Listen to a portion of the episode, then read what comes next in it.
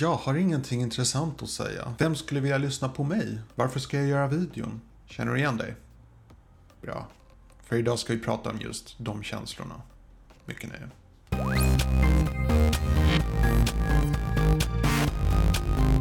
Hej, mitt namn är Tommy och idag tänkte jag prata lite grann om de här tankarna man får när man ska starta en kanal eller man håller på med social media, man ska ladda upp foton. Det är lite svårt för vissa människor att inse att man faktiskt har någonting av värde att säga. Och förvisso, när du tittar på den här videon så är det antagligen inte alls många views och det är för att jag precis har startat kanalen och algoritmen på YouTube har inte riktigt lyckats placera min kanal. Men det kommer hända. Jag vet detta för att jag har startat så pass många kanaler att jag vet att det kommer så att säga vända. Jag kommer få många views och det kommer bli interaktioner, folk kommer kommentera, folk kommer trycka på like och så vidare. Men ett par veckor framöver kommer det vara helt tyst. Och jag är helt okej okay med det. Och jag kommer inte låta det påverka mig för jag har erfarenheten. Och det är den jag vill dela med mig idag. Om du precis har startat en ny kanal, släpp det. Bara släpp det här med, att, eh, med de här tvivlen att uh, ingen kommer lyssna på mig. Jag har ingenting intressant att säga, jag har ingenting nytt att tillföra. Jag har gjort så många videon och jag har lärt mig många saker. Men en av de sakerna, det absolut viktigaste jag har lärt mig är följande. Vad som är bra och intressant för människor är 100% subjektivt. Det vill säga, om jag tycker att något är intressant, det betyder inte att andra kommer tycka att det är intressant. Vi säger att du har en favorit-youtuber, vi säger att du gillar Peter McKinnon och du tycker att wow, det där är helt fantastiskt, så duktig skulle jag vilja vara, men jag kommer aldrig lyckas göra någonting så pass bra som Peter McKinnon. Fel. Varför? Jo, för att du är kanske intresserad av fotografering och det är det den kanalen handlar om. Och det är därför du gillar den. Hade inte du tyckt om fotografering, då hade du inte gillat Peter McKinnon. Så enkelt är det. Du kanske kommer tycka om den här kanalen för att jag gör videon om någonting du är intresserad av. Hur man växer på YouTube, hur man tjänar pengar online. Förstår du hur jag menar? Det har inte att göra så mycket med hur jag presenterar, utan det har med innehållet, det vill säga orden min röst försöker förmedla. Informationen jag försöker få in i den här mikrofonen och fram till dig. Och återigen, här kan det också bli en sån här grej att du kan, ja men jag har ingenting intressant att säga. Återigen fel. Du tänker så för att när du får en originell tanke, att du till exempel säger ehm, jag gillar inte Donald Trump. Och så tänker du, jag ska inte göra en video om det för det har säkert hundratals människor sagt. Men grejen är, ingen har hört dig säga det och din åsikt och din tanke om det. Om du gör en recension på en produkt så kanske du tänker, Äh, vem vill veta vad jag tycker om den här produkten? Vem är jag? Jag är bara en vanlig person. Det är just det människor vill veta. Vad kommer en annan helt vanlig person tycka om den här produkten? Så att många av de här tvivlen som du känner när du gör en video, kommer det jag säger vara intressant nog för någon annan? Det är helt subjektivt, det är inte upp till dig.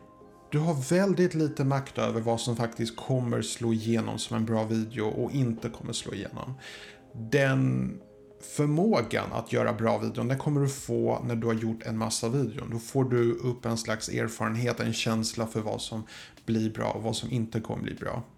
Det är någon, en känsla jag håller fortfarande på att utveckla, men jag har kommit förbi det här stadiet att jag inte längre sätter sån censur på mig själv. Jag bara pratar. Jag bara gör videon, jag tittar in i kameran, jag tittar inte ens på mina videon. Jag gör aldrig det här beslutet att nej, jag ska inte ladda upp det här. Och jag ska förklara varför.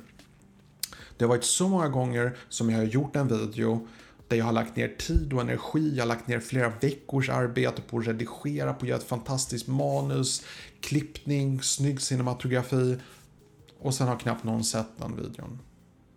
Sen har jag bara satt mig ner, plockat upp en produkt jag precis har köpt, gjort en recension på den, bara sagt mina tankar, inte gjort någon förberedelse, inget manus, ingen klippning. Jag har bara suttit i 10 minuter och pratat. Jag har en sån video just nu om en Mac Mini där jag bara pratade 10 minuter och den videon ger mig 300 kronor i månaden. Det kanske inte låter så mycket, men om du föreställer dig att jag, jag tryckte på record, spela in, tog upp en produkt och berättade vad jag tyckte om den. Jag la ner produkten, tryckte på sluta spela in och så laddade jag upp det. Och idag får jag 300 kronor i månaden på den videon. För att jag får så mycket views på den. För att YouTube-algoritmen fungerar på det sättet. Den har sett att det finns folk som fann värde i den. För de satt tillräckligt länge. De kommenterade. Och då har YouTube-algoritmen tolkat det som att okej, okay, den här videon tyckte vissa människor var intressant. Så därför ska vi visa den här videon för andra människor. Och så enkelt är det. Det är inte du som bestämmer om din video är bra, utan det är de som tittar på den. Det är bara så det fungerar. Och det är inte bara YouTube, det är TV, det är bio, alltihopa. Det, det finns jättemånga exempel på biofilmer som kostat miljontals eh, slantar och ändå floppat. Det är helt upp till de som tittar på materialet. Du kan göra det bästa du kan göra av ditt arbete, absolut. Du kan lägga ner så mycket tid och energi du vill på dina videon. Men i slutändan det är inte du som ändå kan avgöra. Och jag vet, nu när jag säger det här så kanske många tänker att ah, det här är ju fantastiskt. Då är det ingen idé att starta YouTube för då kommer jag aldrig bli framgångsrik. Nej, fel! Det betyder att du bör starta.